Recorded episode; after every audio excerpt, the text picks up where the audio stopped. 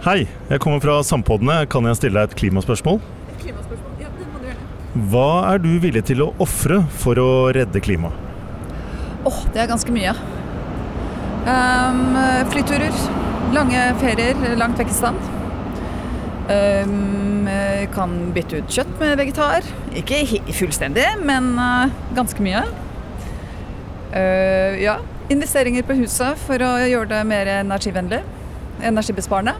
Jeg ser du er på en sykkel. Ja, jeg sykler uh, uh, overalt. Kjører veldig, veldig lite bil. Vi har bil, men den står som regel parkert. Ja, flyreiser til utlandet f.eks. Det kan jeg greie meg uten.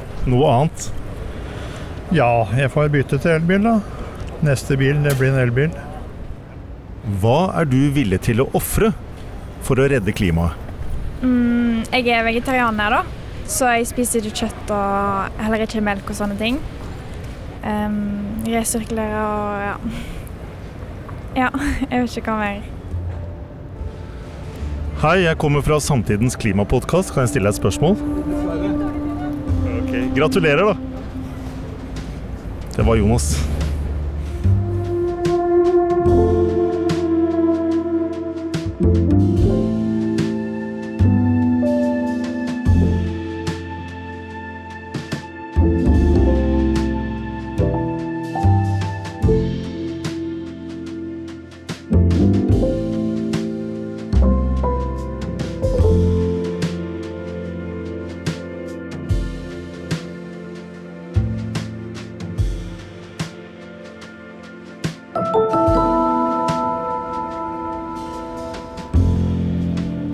Velkommen til eh, Sampodden, samtidens podkast som sendes fra et drivhus på Youngstorget i Oslo.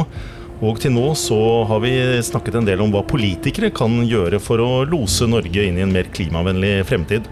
Nå er eh, valget over. Og da er det kanskje på sin plass også å rette oppmerksomheten mot hva hver og en av oss kan gjøre for faktisk å endre vår klimaatferd.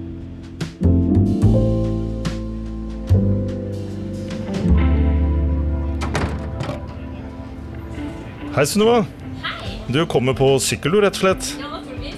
Ja, det passer seg jo til temaet vi skal ta opp. Kom inn, eh, både deg og, og kanskje sykkelen òg. I i. Sett den fra deg um, her på siden av drivhuset, så blir den ikke frastjålet.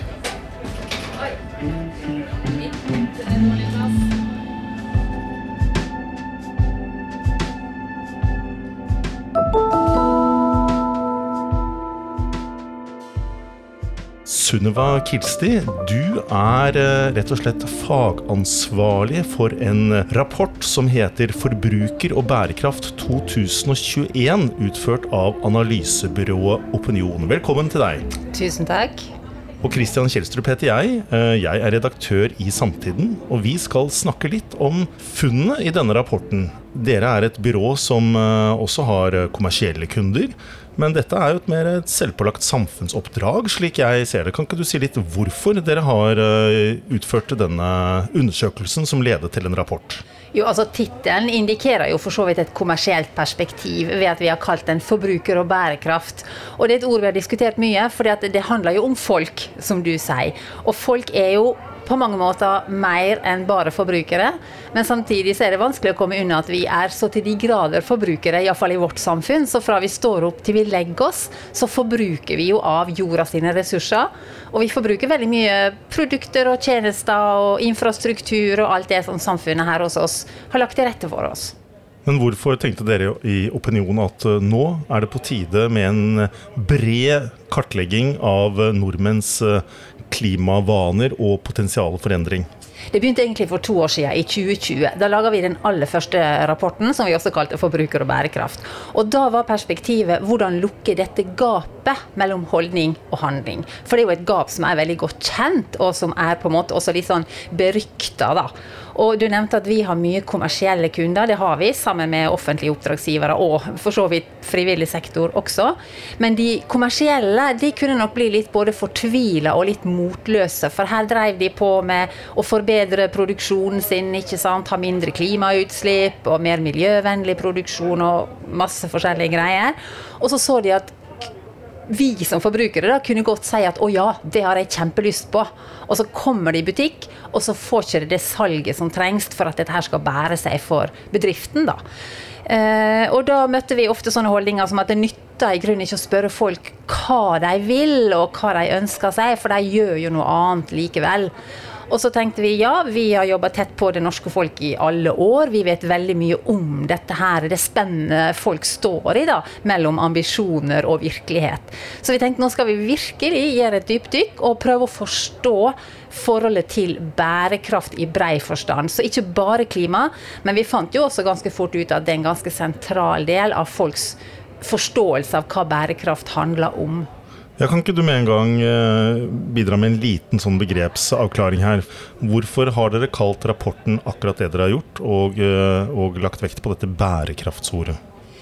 Det var jo fordi vi så stadig flere av våre kommersielle kunder faktisk, at de begynte å lage bærekraftstrategier. Eh, og de var jo i all hovedsak veldig linka til FN sine bærekraftsmål. Og ett av de målene er jo selvsagt det å stoppe klimaendringene. Eh, og så er det mange andre mål, det er jo 17 samla sett, ikke sant? hvorav det siste er ganske flott, for det handler jo om samarbeid for å nå alle de ulike målene. Og så er det veldig spennende å se, for disse målene handler da langt på vei om utvikling i hele verden, hvor det fortsatt er mange fattige samfunn og mennesker som har det helt annerledes enn oss. Men så handler det jo også om hva vi i den utvikla delen av verden kan gjøre for at våre samfunn skal være mindre belastende da, på kloden sine ressurser, på klimaet, som jo påvirker kloden vår igjen. og i produksjonskjedene knytta til sosial bærekraft.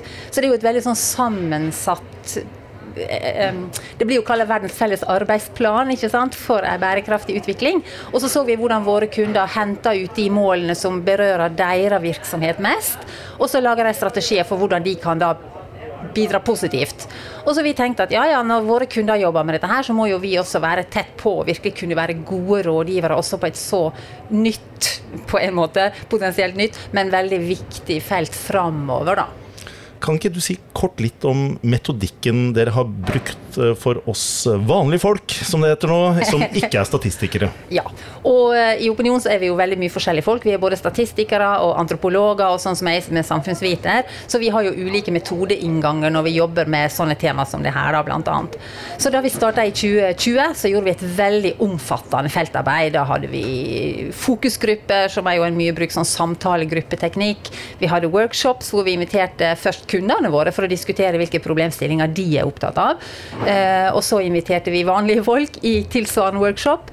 Og så hadde vi sånn online chats for å kunne ha med folk andre plasser i Norge også, så ikke det ble dette her evinnelige Oslo-fokuset, som jo får mye kritikk, både rettmessig og, og kanskje ikke alltid like eh, relevant, fordi han kan bruke for å skyve unna gode argumenter.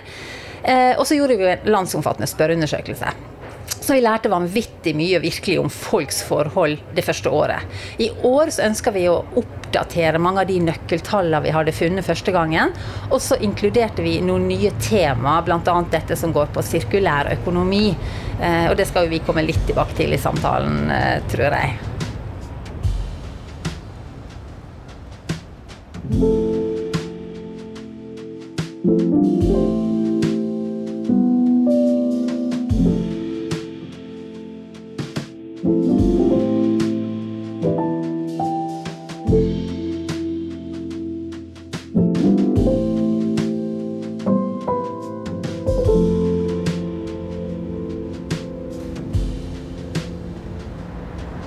Sunniva Kilsti, fagansvarlig for eh, denne rapporten til Opinion, som altså heter 'Forbruker og bærekraft 2021'. Nå er jeg jo veldig nysgjerrig på hva dere har funnet ut. Veldig kort så vil jeg si at et av de mest sentrale hovedfunnene er at folk ikke er perfekte. Det er ikke noe nytt funn og ingen revolusjon, skulle han tro. Men det er faktisk utrolig viktig å minne om det i enhver sammenheng hvor disse tingene er relevante. Men de fleste ønsker å leve mer bærekraftig enn det de gjør i dag. Hvem er det som ikke vil bidra til en positiv utvikling for verden hvis han kan, og det ikke krever altfor mye? Så det vi ser da er at ni av ti sier at de ønsker å leve mer bærekraftig enn det de gjør i dag. da. Eh, de færreste er nok klare for veldig drastiske livsstilsendringer. Men avhengig av ståsted så er det faktisk folk som er villige til å gjøre veldig mye. Andre er villige til å gjøre noe, og noen vil bare gjøre litt. I eh, rapporten så står det at fire av ti nordmenn er for innføring av uh, like strenge reguleringer som uh, ble innført under koronaen. uh, også ofte omtalt som de mest inngripende tiltakene i, i, i nordmenns liv i fredstid, altså etter krigen. Hva tror du det kommer av? Altså, dette begynte vi å måle bare 14 dager etter pandemien slo til her i Norge i fjor, i mars. og fikk allerede da ganske høy treff. Og så tenkte vi ja ja, folk vet jo ikke hva de snakker om, for vi har ikke levd så lenge under virkelig harde, inngripende tiltak. Og så har vi gjentatt den eh, spørsmålsformuleringen mange ganger gjennom siste halvannet åra. Og for to uker siden, like etter at den nye FN-rapporten kom, hvor han Guterres varsla kode rød for kloden, så hadde faktisk andelen økt til 44 Eh, og det vi forstår ut av det, er at eh, nå fikk vi en helt unik erfaring om hva det betyr å løfte i flokk. Koronaen kom. Myndighetene sa her må vi stenge ned, her må vi gjøre alle mulige tiltak. Eh, og folk adløyd, på en måte. Fordi vi så eller trodde at dette her var viktig og nødvendig. Og så så vi jo at det hjalp. At smitten ble stagnert, at vi klarte å begrense det. Og så så vi hvordan det gikk andre plasser i verden hvor det ikke fungerte like godt som her hos oss. Så nå da, så tenker folk at vi forstår jo at koronatiltak er noe helt annet enn klimatiltak. Vi må ikke slutte å treffe hverandre, vi må ikke liksom være sosialt isolerte og ikke kunne gå på jobb og alle de der virkelig inngripende tiltakene som har vært tunge for folk i korona. Men at myndighetene tar skikkelige grep og nærmest tvinger oss alle til å også gjøre noe som bedrer klimaet, det er det en god andel som mener må til, da, og er positive til at det skjer. På den ene siden da, så sier du at eh, folk er ikke perfekte, men eh, nevnte du også har en eh, forbausende grad av selvinnsikt. Hvordan henger dette i hop eh, når nordmenn skal endre sin klimaatferd? Altså selvinnsikten, da tenkte jeg på denne her ærlige selvdiagnostiseringen, hvor én av fire sier at nei, min livsstil er nok ikke spesielt bærekraftig. Halvparten plasserer seg ca. midt på treet. Og så er det en tredjedel cirka som sier at jo, jeg lever faktisk ikke så verst bærekraftig. Eh, og ut fra det så ser vi også at folk er ganske ærlige og oppriktige på hvor ambisiøse de egentlig er. Hvor mye vi er villige til å yte, da endre i livet vårt. Og da er det liksom ni av ti som sier at jo, jeg vil gjerne bidra, ikke sant. Men noen sier jeg vil bare bidra bitte litt. Andre sier jeg har gått all in, jeg har store ambisjoner om å virkelig bare fortsette på den livsstilsendringen, da. Si litt mer om, eh, om disse ulike gruppene. Nei, altså det vi ser er jo at det, det er jo denne aksen. Hvor alvorlige er egentlig klimaendringene? Og hvor kort eller kanskje lengre tid har vi til å prøve å gjøre noe med de? Det er på den aksen folk fordeler seg, da mer enn 90% fordeler seg innenfor at det er alvorlig, og vi må gjøre noe. Så er det 3% som rett og slett er klimafornektere. Og så er det kanskje 2-3% som sier at dette bryr ikke meg noe om.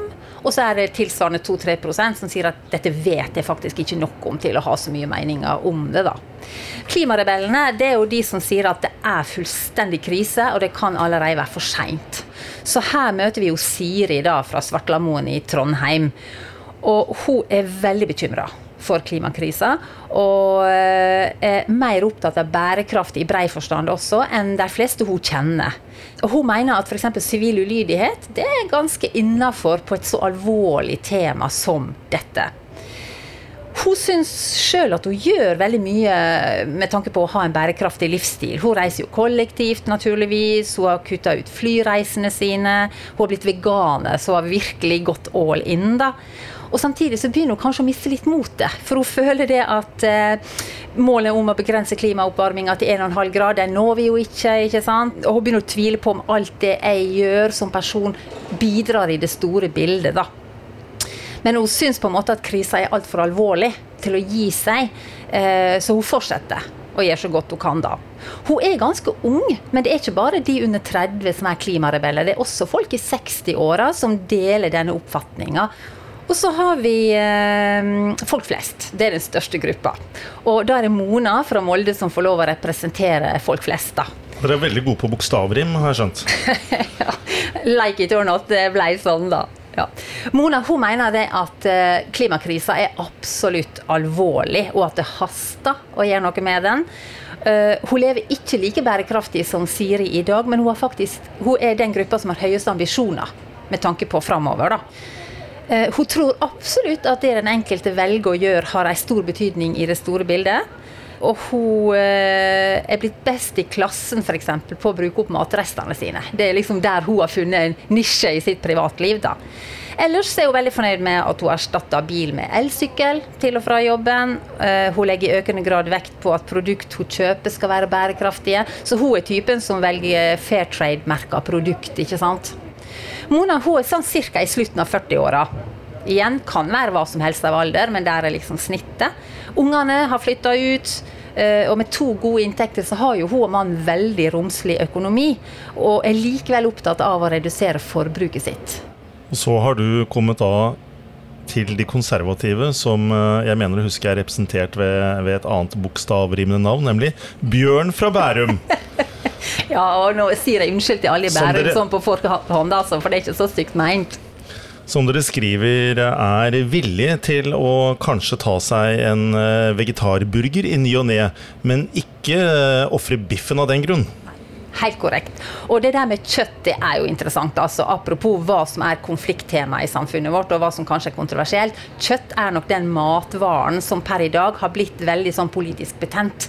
Ikke bare politisk, faktisk, men liksom i folks hverdagsliv. da, Venner og familie imellom. sånne ting da. Hvorfor vil Bjørn, denne tenkte gjennomsnittspersonen eller representanten for de konservative, ikke droppe biffen, men samtidig ta seg en vegetarburger av og til?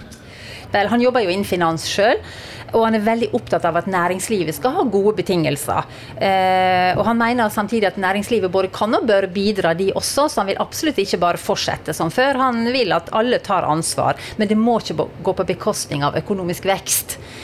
Han er veldig teknologioptimist, og det er jo en av retningene innen klimafeltet. ikke sant? De som håper og tror at eh, teknologien skal berge situasjonen, slik at vi slipper å endre livsstilen vår, for det gjør jo vondt for de fleste av oss, da. Så han ser liksom ikke noen grunn til at vi skal slutte å lete etter olje, f.eks. For eksempel, fordi at igjen teknologien skal løse den utfordringa. Personlig så prøver han å tenke litt på miljø eh, og etikk når han handler. Så han kan gjerne leie fremfor å kjøpe noe, og han kan kjøpe brukt også. Det syns han er både smart og bra. Han er midt på treet engasjert når det gjelder både natur, miljø og klima. Så vi ser hvordan intensiteten i engasjement daler da, fra den ene gruppa klimarebellene via folk flest, som også er ganske engasjert, og så kommer disse konservative, litt mindre engasjert, men dog. Og så er det da fremme ved den fjerde siste gruppen, store gruppen da, innenfor de som tross alt er enige om at klimaendringene er reelle. Og da skal vi til Per fra Porsanger. Da. Stakkar Porsanger, som må liksom, uh, representere disse passive, som du kaller den fjerde gruppen. Hvem, ja, hvem er de? Ja da, og det er ikke noe spesielt ille med folk i Porsanger i det hele tatt. Per representerer én av fem nordmenn, så han er en stor gruppe, som du sier da. Han er helt enig med de andre gruppene i at det skjer klimaendringer, men han mener at situasjonen ikke er så alvorlig som mange skal ha det til. Uh, han syns informasjon om både klima og miljø er veldig forvirrende. Eh, og at det er vanskelig å vite hva som er gode tiltak. Um, og hvis vi skal få tiltak som monner, så mener jo eh, Per at det må være USA og Kina og de store utslippsnasjonene som må ta grep først. da. Han vil absolutt ikke at myndighetene skal blande seg. Så han ikke, vil ikke ha type koronatiltak for klima, og han vil ikke at eh, myndighetene skal tvinge næringslivet og forbrukerne til å leve mer bærekraftig. Det kan jo virke som da, Sunniva Kilsti, at uh, når du ramser opp disse fire hovedgruppene, så beveger vi oss uh, fra venstre og i retning høyre på den politiske skalaen. Og vi skal komme tilbake til partipolitikk og valgresultatet mot slutten av samtalen vår. Men noe jeg lurer veldig på, det er jo dette med hvorvidt en slik undersøkelse som deres kan fange opp faktisk klimavennlig endring.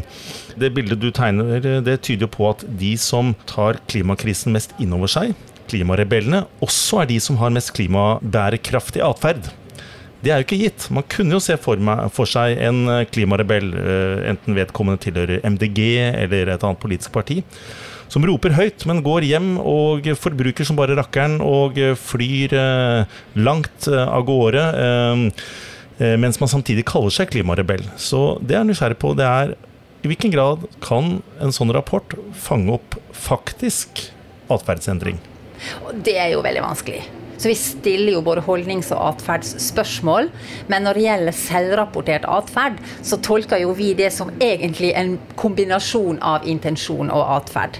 Så når folk sier f.eks. at å ja, nei, kaster jo ikke mat lenger. Åtte av ti faktisk i vår undersøkelse sier at det, nei, ofte eller alltid så bruker jeg opp matrestene mine slik at jeg ikke kaster mat. Og hvis vi ser på avfallsmengden, så er jo det åpenbart ikke helt riktig. Men folk har en intensjon å tenke om seg sjøl at jeg er et menneske som ikke kaster mat. Og da blir det en sånn litt utydelig grensegang her. Hva er det jeg faktisk gjør, og hva er det jeg liker å tro at jeg gjør?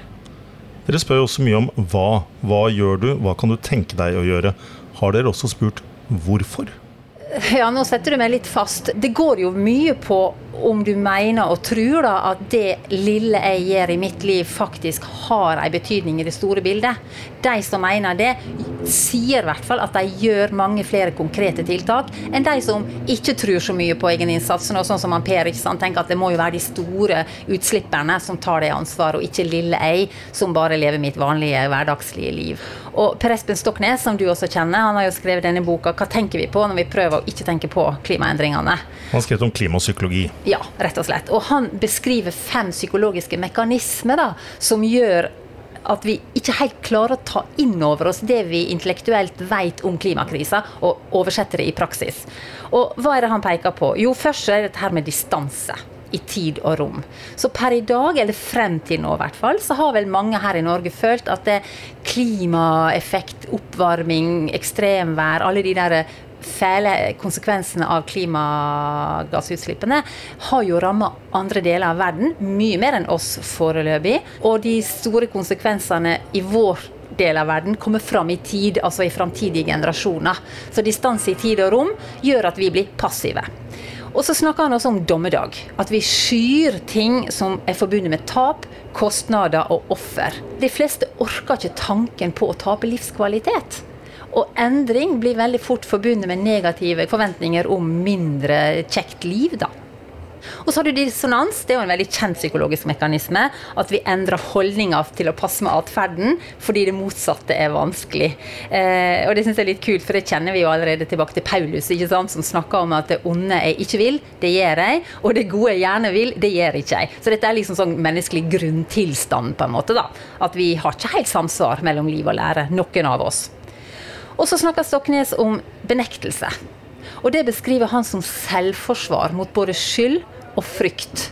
Og det synes jeg er veldig interessant her, da, for det kan jo være en grunn til at noen angriper det de opplever som eliten i Norge. Sant? Enten disse inne i Oslo, eller politikerne, eller hvem det skulle være, som liksom angriper eller kritiserer tradisjonell livsstil. Som da åpenbart, eller på en måte indirekte, blir fremstilt som mindre bærekraftig, mindre klimavennlig. Og det siste Per Espen trekker fram, er jo identitet. Og det går på vår hang til å filtrere både nyheter, men all annen informasjon også, gjennom f.eks. jobben vår, altså hvilken bransje vi jobber i, og vår personlige identitet. Så det er ganske sterke psykologiske mekanismer som gjør det vanskelig for oss da, å virkelig skape samsvar mellom holdning og handling. Nå lener du deg jo tungt på da eh, funnene, eller observasjonene til, til, Per Espen Stoknes, eh, økonom og klimaforsker og MDG-politiker også. Hvordan spiller dette inn i rapporten deres, tror du?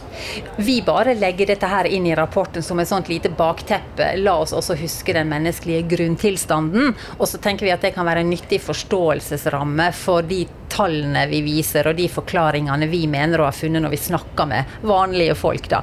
Hvordan de ser på seg sjøl og på samfunnet, og hvordan de lever i denne spenninga mellom 'jeg vil så gjerne bidra', og så lykkes ikke jeg alltid i hverdagen min å gjøre som jeg skulle ønske. da. Kan jeg stille deg et spørsmål til en klimapodkast? Spørsmålet er hva er du villig til å ofre for å redde klimaet? Å ja, da må jeg tenke litt. Uh, ganske mye. F.eks. jeg har ikke bil, så jeg har allerede ofra en del. Jeg bruker bare sykkel. Emballasje, en del sånne ting som, uh, som man kan bli kvitt.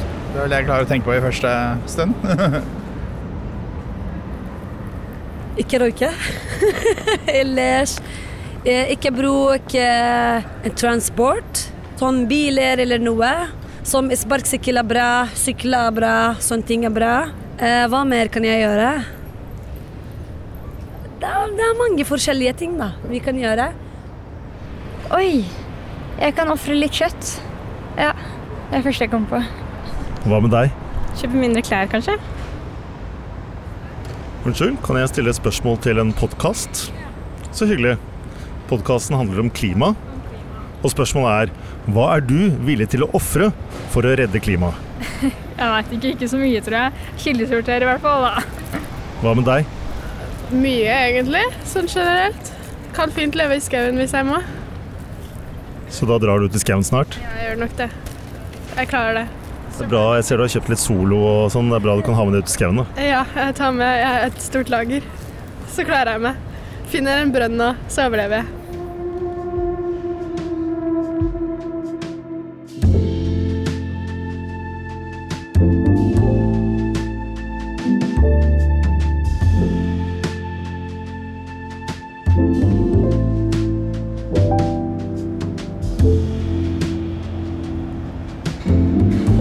Jeg syns jo det er veldig interessant at vi som samfunn står overfor et grønt skifte.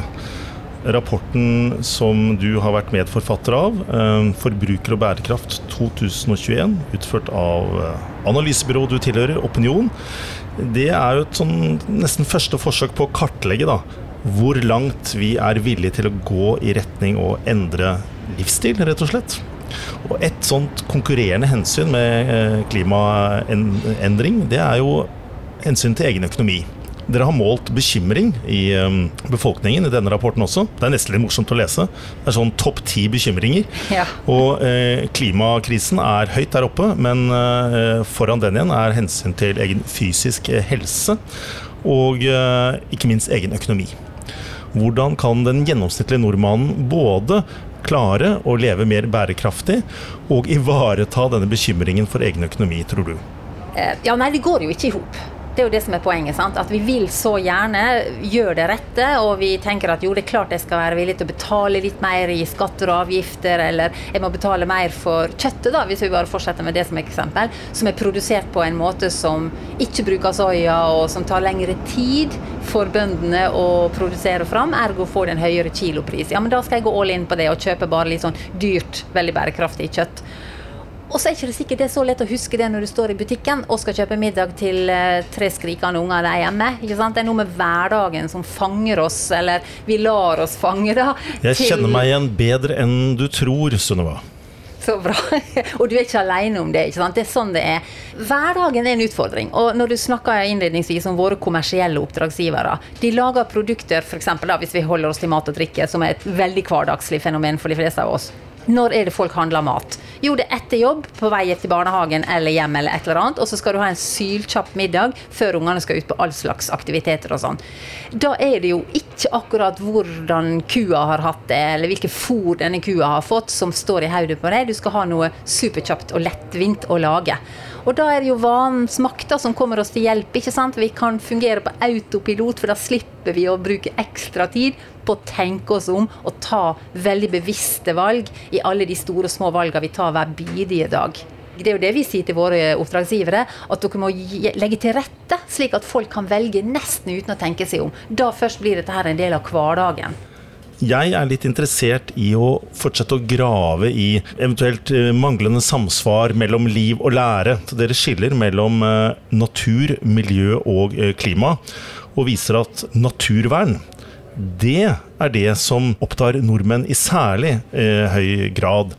Mens eh, når det gjelder selve klimakrisen, så er det bare én av fire av de spurte som egentlig ønsker å gi selve klimakrisen topp prioritet. Er ikke dette også et paradoks? Jo, visst er det det, men det henger jo veldig sammen med det vi har snakka om fram til nå. Eh, For det første, da, De tallene du har sett i rapporten, det er fra februar i år. Eh, Og så kom jo den klimarapporten nå i august, og den har endra bitte litt på styrkeforholdet. Så nå er det nesten lik fordeling mellom de som vil prioritere, hvis de blir tvinga til å velge, så vil de prioritere klima fremfor natur eller miljø. Men Overordna kan vi si at befolkninga deler seg i tre ganske like grupper der. da. Og da tenker jeg at dette her handler igjen om det nære og konkrete, versus det som iallfall fremdeles føles som mer abstrakt og litt mer distansert. Så klima per i dag er mindre relevant, opplever vi, enn naturen vår og miljøet som omgir oss hver bidige dag. Og dette har jo Senterpartiet skjønt. Nær folk har det har vært deres slogan. Og da er vi over på et, et litt annet tema, nemlig polarisering. Fordi eh, sånn veldig grovt sett da, så kan man jo si, eh, når man skur utover den partipolitiske floraen, at det er noen som profilerer seg som spesielt klimavennlig, mens andre eh, til og med profilerer seg på å være mot, eh, mot klima, i en viss grad. Um, det interessante her er jo i hvilken eh, grad funnene i rapporten deres eh, faktisk tyder på polarisering i befolkningen eller ikke. Eh, hvis du tar på deg polariseringsbrillene da, og ser på materialet deres, hva, hva ser du da? Da ser jeg egentlig to spor. Det første er jo at på en måte så er vi lite polarisert. I og med at ni av ti mener klimasituasjonen faktisk er noe vi må forholde oss til og må gjøre noe med. Eh, og vi må ta den på alvor. ikke sant? Men samtidig så er vi polariserte når det gjelder hvor alvorlig vi mener at den situasjonen er, og hvor mye det haster eller ikke haster å gjøre noe med det. Altså hvilke, hvor kraftige tiltak som trengs. da. Så der er en polarisering. Men sånn, hvis vi tenker alder og kjønn og hvor folk bor, og sånn, som er disse klassiske skillelinjene på mange temaer i samfunnet vårt, så er jo folk under 30 mest bekymra for konsekvensene av klimaendring. Og så ser vi at kvinner er mye mer bekymra enn menn for disse tinga. Og vi ser også at folk i byene er mer opptatt av det enn folk mer på landsbygda. Og så ser vi at utdanningsnivå spiller en rolle. Så faktisk jo høyere utdanning folk har, jo mer bekymra er de også for klimasituasjonen. Så der er noen skillelinjer, da. Og noen vil kalle det polarisering, og da, i det ordet ligger jo litt sånn konflikt. Eh, eh, så han kan liksom velge å tenke enten veldig tydelige konflikter, eller han kan velge å tenke at her er vi på en glidende skala alle sammen, slik at det er også mye som forener oss, ikke bare som skiller oss. En ting som forener oss, det er at vi som samfunn eh, skal gjennomføre dette grønne skiftet. Det setter dere i forbindelse med begrepet sirkulærøkonomi. Eh, rapporten deres har undertittelen 'På vei mot et sirkulært forbruk'. Så Det er noe dere løfter frem, og det er interessant og viktig. Eh, samtidig så er det andre ting dere ikke spør om, eller avdekker i rapporten deres. Eh, det er jo mange som vil hevde at klimaendringene de er nødt til å utløse en systemendring. Altså, dere er veldig opptatt av sirkulærøkonomi, som er begrep som brukes av bl.a. MDG og Venstre og andre. Men en par andre faktorer eh, har dere ikke fanget opp. Hvorfor eh, denne vektingen? Altså Vår oppgave i Opinion som vi har om tidligere også, er jo først og fremst å forstå folk. Eh, og denne Rapporten Forbruker og bærekraft tar sikte på å forstå nordmenn sitt forhold til alle disse utfordringene som eh, vi er inne på her nå. Da. Og Det er jo viktig kunnskap for alle, fra politiske parti til fylke og kommune, som sitter med sine arealreguleringer og alle andre prioriteringer i lokalsamfunnet regjeringa og selvsagt kommersielle aktører. Og så har du organisasjoner som Fremtiden i våre hender og WWF, som nettopp utfordrer vekstbegrepet. da. Det første og viktigste trinnet i en sirkulær økonomi er jo å redusere bruken av ressurser. Eh, og vi spør jo nettopp om folks vilje til å redusere forbruket sitt. Det å reparere fremfor å kjøpe nytt, og leie fremfor å eie. Så jeg tenker at det går inn under dette her med å redusere belastningen på kloden. da. Og sånn som vi kjenner nordmenn i dag, så er nok de færreste klare til å virkelig bryte med kapitalismen som system, eller si farvel til vekstbegrepet. Men når det er sagt, da, hvis vi ser på valget, så fikk jo Rødt 4,7% av stemmene, og SV fikk 7,5% og MDG, som sier veldig uttalt at de vil vekk fra vekstbegrepet, de fikk ikke så stor oppslutning, de endte på 3,8. Hvis vi slår sammen disse tre gruppene med velgere, da, så betyr jo det at minst 16% av befolkninga er klare til enten å utfordre kapitalismebegrepet vekst, eller vekstbegrepet. Og blant disse så tenker det helt sikkert er mange klimarebeller og en del folk flest. Sunniva, dere er jo eh, primært eh, et analysebyrå som legger frem objektive tall. Og så er dere jo til en viss grad meningsbærere også, tenker jeg. Jeg leser rapporten også som en uh, anbefaling til hva man bør gjøre, og det er interessant. Og et slags underliggende premiss da, i materialet deres, det er jo at jo mer bærekraftig, jo bedre. Sympatien er jo litt mer med hun eh, Var det Maria hun het? Eh, Mona, var det? Siri og Mona. Siri var Unnskyld, Siri Mona var fra Folk flest. Siri er fra eh, er klimarebellen. Men når det kommer til uh, Bjørn fra Bærum, så, så, skinner det litt sånn igjennom at uh, han ikke gjør nok. Det vil jo Bjørn fra Bærum sitt parti, som kanskje er Høyre, som vektlegger teknologi og innovasjon for å løse klimakrisen fremfor å avvikle oljenæringen f.eks., protestere mot. er det litt for normativ også i denne rapporten, eller?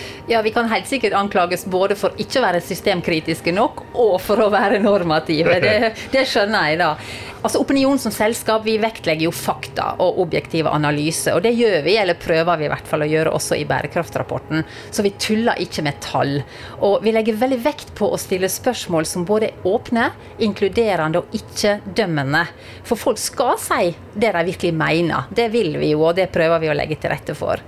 Men i rapporten så er vi nok normative på den måten at vi henvender oss til aktører som selv har satt seg bærekraftsmål. De har jo vedtatt bærekraftstrategier. Sant? De vil gjøre noe med virksomheten sin, enten den er offentlig, privat eller eh, i en interesseorganisasjon.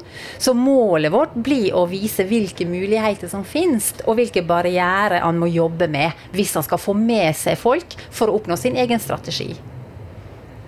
Og som ansatte i Opinion da, så vil jeg jo si at vi har samvittighetsfrihet. Vi kan sjøl velge både hvilke kunder vi har lyst til å jobbe med, eller det går jo mer på hvis det er noen du absolutt ikke kan tenke deg å jobbe med fordi at det sliter litt uh, inni deg. Uh, og hvilke problemstillinger. Og jeg innrømmer jo glatt at jeg brenner for bærekraft fordi jeg mener at verden trenger en grønn omstilling. Og nå er det ikke bare du som brenner for bærekraft, nå brenner solen ganske bra inne i drivhuset her, vil jeg si. Og jeg forsøkte å grille deg litt, men eh, jeg føler at vi begge blir ganske stekt. Du, Sunniva Kilsti, eh, du er medforfatter av denne rapporten 'Forbruker og bærekraft 2021', som altså analysebyrået Opinion har utført. Vi skal nærme oss uh, det som også er høyaktuelt nå, valgresultatet, og hvordan deres rapport kan leses inn i en slik sammenheng. Men dere vektlegger jo veldig mye i denne rapporten hva eh, Siri, Bjørn, Per, andre tenkte personer eh, gjør for å leve klimavennlig, eller hva de er villige til å gjøre. For igjen sitere det dere skriver om eh, Bjørn. Han kan ta seg en veggisburger, men han vil ikke droppe biffen. Er det dette individ, individuelle valgene som egentlig er så viktig da, til syvende og sist, for at vi skal gjennomføre det grønne skiftet? Ja, der skal jo jeg være ganske forsiktig nå, i og med at jeg ikke er partipolitiker. Um, så jeg må vel heller vise til tror jeg, hva befolkningen sjøl sier, som fremstår ganske delt på det. Hvor i hvert fall halvparten mener at mitt eget personlige bidrag har veldig mye å si. Og så er det andre som ikke tror at det har så stor betydning. Så det kjenner vi jo igjen i partifloraen, også som du var inne på, vil jeg si. Men eh, bare for å gå litt tilbake til vår rapport, da, så sier jo halvparten at de er bekymra for konsekvensene av klimaendringene. Men det er jo andre bekymringer som har større plass i hverdagen. Og klima har ikke vært den viktigste saka i valgkampen i det hele tatt for folk flest. Og det har vi heller aldri sagt i rapporten, at klima er det viktigste. Men det er der vi finner tydeligste skille på folk. Denne holdningen til klimaendringene. Så det er det som forklarer mest. Mer enn alder, mer enn kjønn og utdanning og de tingene som jeg også var inne på. da. Så det folk er mer opptatt av, det er jo sånne ting som fysiske helseproblemer, ikke sant? barna sin trygghet og trivsel, personlig økonomi. Det er nære, konkrete ting som nesten alltid vil trumfe sånne store, overgripende samfunnsspørsmål og behov utover meg og min lille gruppe i familien min. da. Eh, du nevnte jo det at eh, seks av ti vil at myndighetene skal tvinge oss, altså innføre strengere reguleringer for å tvinge både oss som personer, men også næringslivet til å være mer bærekraftig.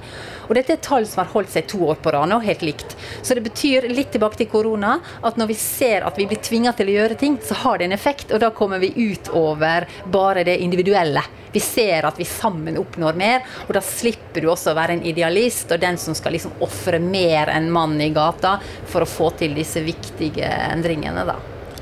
Du Sunniva, du har snakket om bekymring og tvang nå. Eh, når jeg ser på svetten som perler seg på pannen din, så begynner jeg å bli litt bekymra for deg og kommer til å tvinge deg til å ta et glass eh, vann. Og så fortsetter vi for å snakke om eh, rapporten og hvordan den kan leses opp mot valgresultatet som kom denne uken.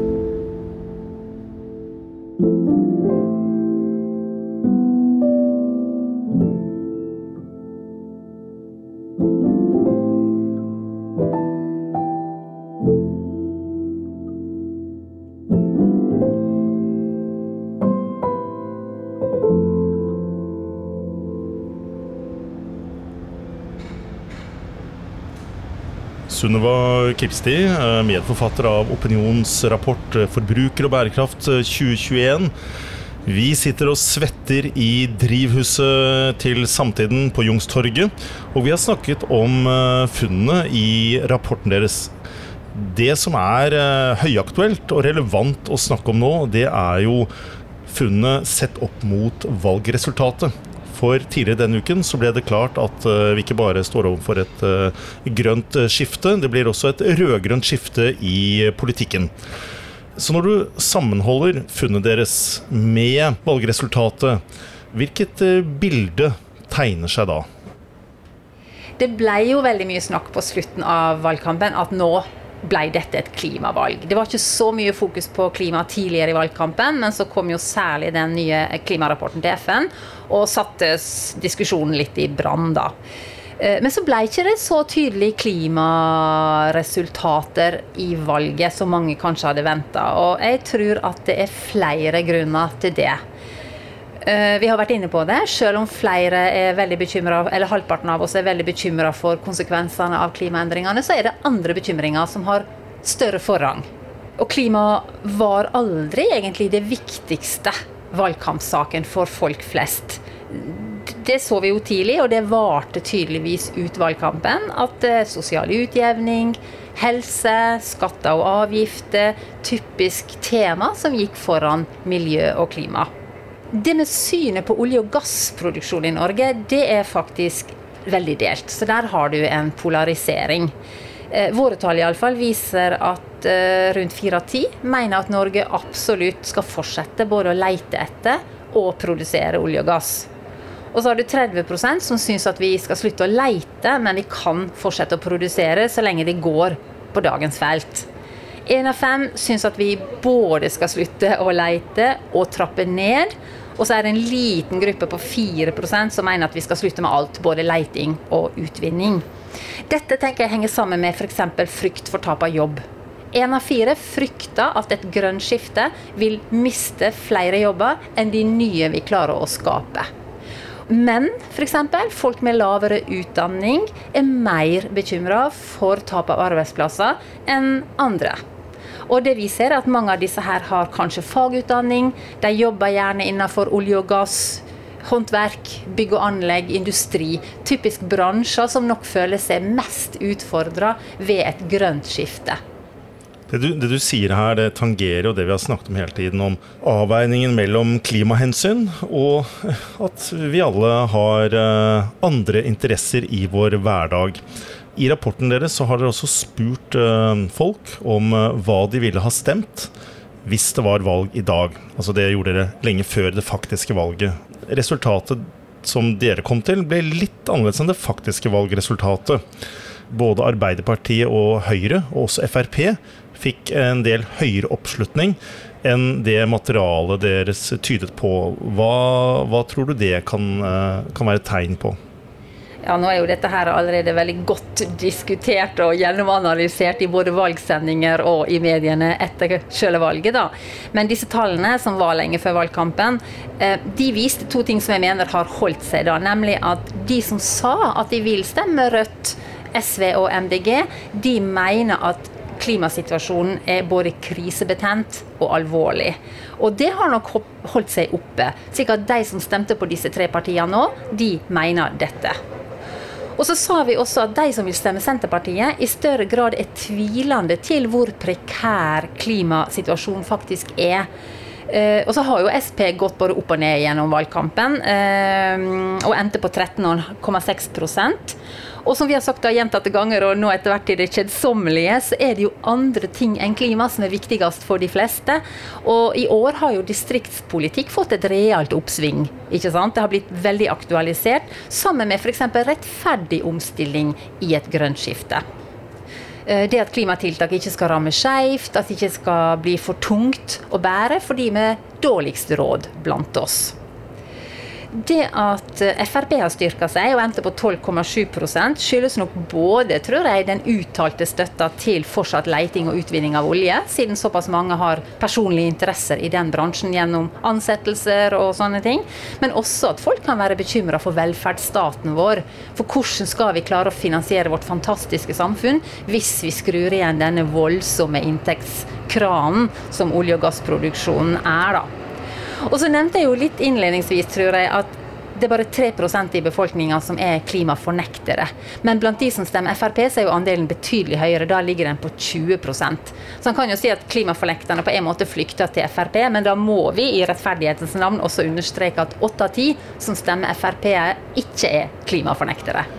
Altså Hadde jeg vært politiker, så ville jeg jo kastet meg over denne rapporten. fordi her er det jo mulig, på grunnlag av det dere finner ut i hvert fall om folks klimapreferanser, å utvikle en strategi. Eh, det er jo nærliggende å tenke at eh, Senterpartiet har truffet ganske godt også på klima, faktisk, eh, når det gjelder dette med nærhet til naturen, som du sier er veldig viktig for respondentene. Og det går også an å posisjonere seg da, som et antiklimaparti, hvis man ser at det er grobunn for det i befolkningen. Og det er jo dette politikk handler om. Det handler jo om at man på ene siden skal rette seg etter folkemeningen, og samtidig prøve å påvirke folkemeningen. Og da lurer jeg på helt til slutt, Sunniva Kirsti. Det interessante her, det er jo i hvilken grad finnes det et potensial for enda større klimavennlig endring? Kan det tenkes at f.eks. politikere har undervurdert det potensialet? Altså, hvis han skal drive god klimapolitikk, helt uavhengig av partipolitisk ståsted, så tenker jeg at han må ta hensyn til hvordan folk faktisk er. Og det er jo nettopp det vi prøver å forklare og beskrive og vise, da. Og det vi summerer opp med, er jo at folk er ambivalente. De aller fleste vil gjerne bidra, så lenge det ikke krever altfor mye. Uh, og så må vi ha med oss dette perspektivet hvordan vi unngår fare og ubehag også så godt vi bare kan, men at vi samtidig er villige til å endre atferden og forbruket vårt. Og så ønsker nettopp da mange litt sånn koronaaktige tiltak, nettopp for å slippe å være alene om det, men at vi alle i flokk bidrar til en mer positiv utvikling for naturen og miljøet og klimaet, da. Eh, og så må ikke han fokusere for ensidig på klima. Eh, klima er fortsatt noe litt fjernt og abstrakt, mens natur og miljø er veldig nær, veldig konkret, veldig personlig. Eh, og som andre folk så er jo vi nordmenn også oss sjøl nærest. Vi er flinke når det gjelder dugnad, når vi må eller blir engasjert. Men vi trenger en dose egeninteresse også for å ta skikkelige grep. Og så bør han, mener jeg, snakke mye mer om muligheter og gevinster enn om trusler og tap. For folk må jo kunne tro at ei anna og god framtid er mulig, uten at vi skal miste alt det som vi setter så veldig stor pris på i samfunnet i dag, da. Det ble siste ordet fra drivhuset på Youngstorget, Sunniva Kilsti i Opinion. Tusen takk for at du kom hit og svettende delte funnet fra denne forbrukerrapporten. Og så får vi se da, til neste valg i hvilken grad eh, også vi velgere har klart å endre vårt avtrykk og vårt eh, bidrag til klimaet Christian Kjelstrup heter jeg. Jeg er redaktør for eh, Samtiden. Og enten du heter eh, Siri og er klimarebell, eller eh, Bjørn fra Bærum og er konservativ, så håper jeg du har hatt glede av å lytte til denne podkasten.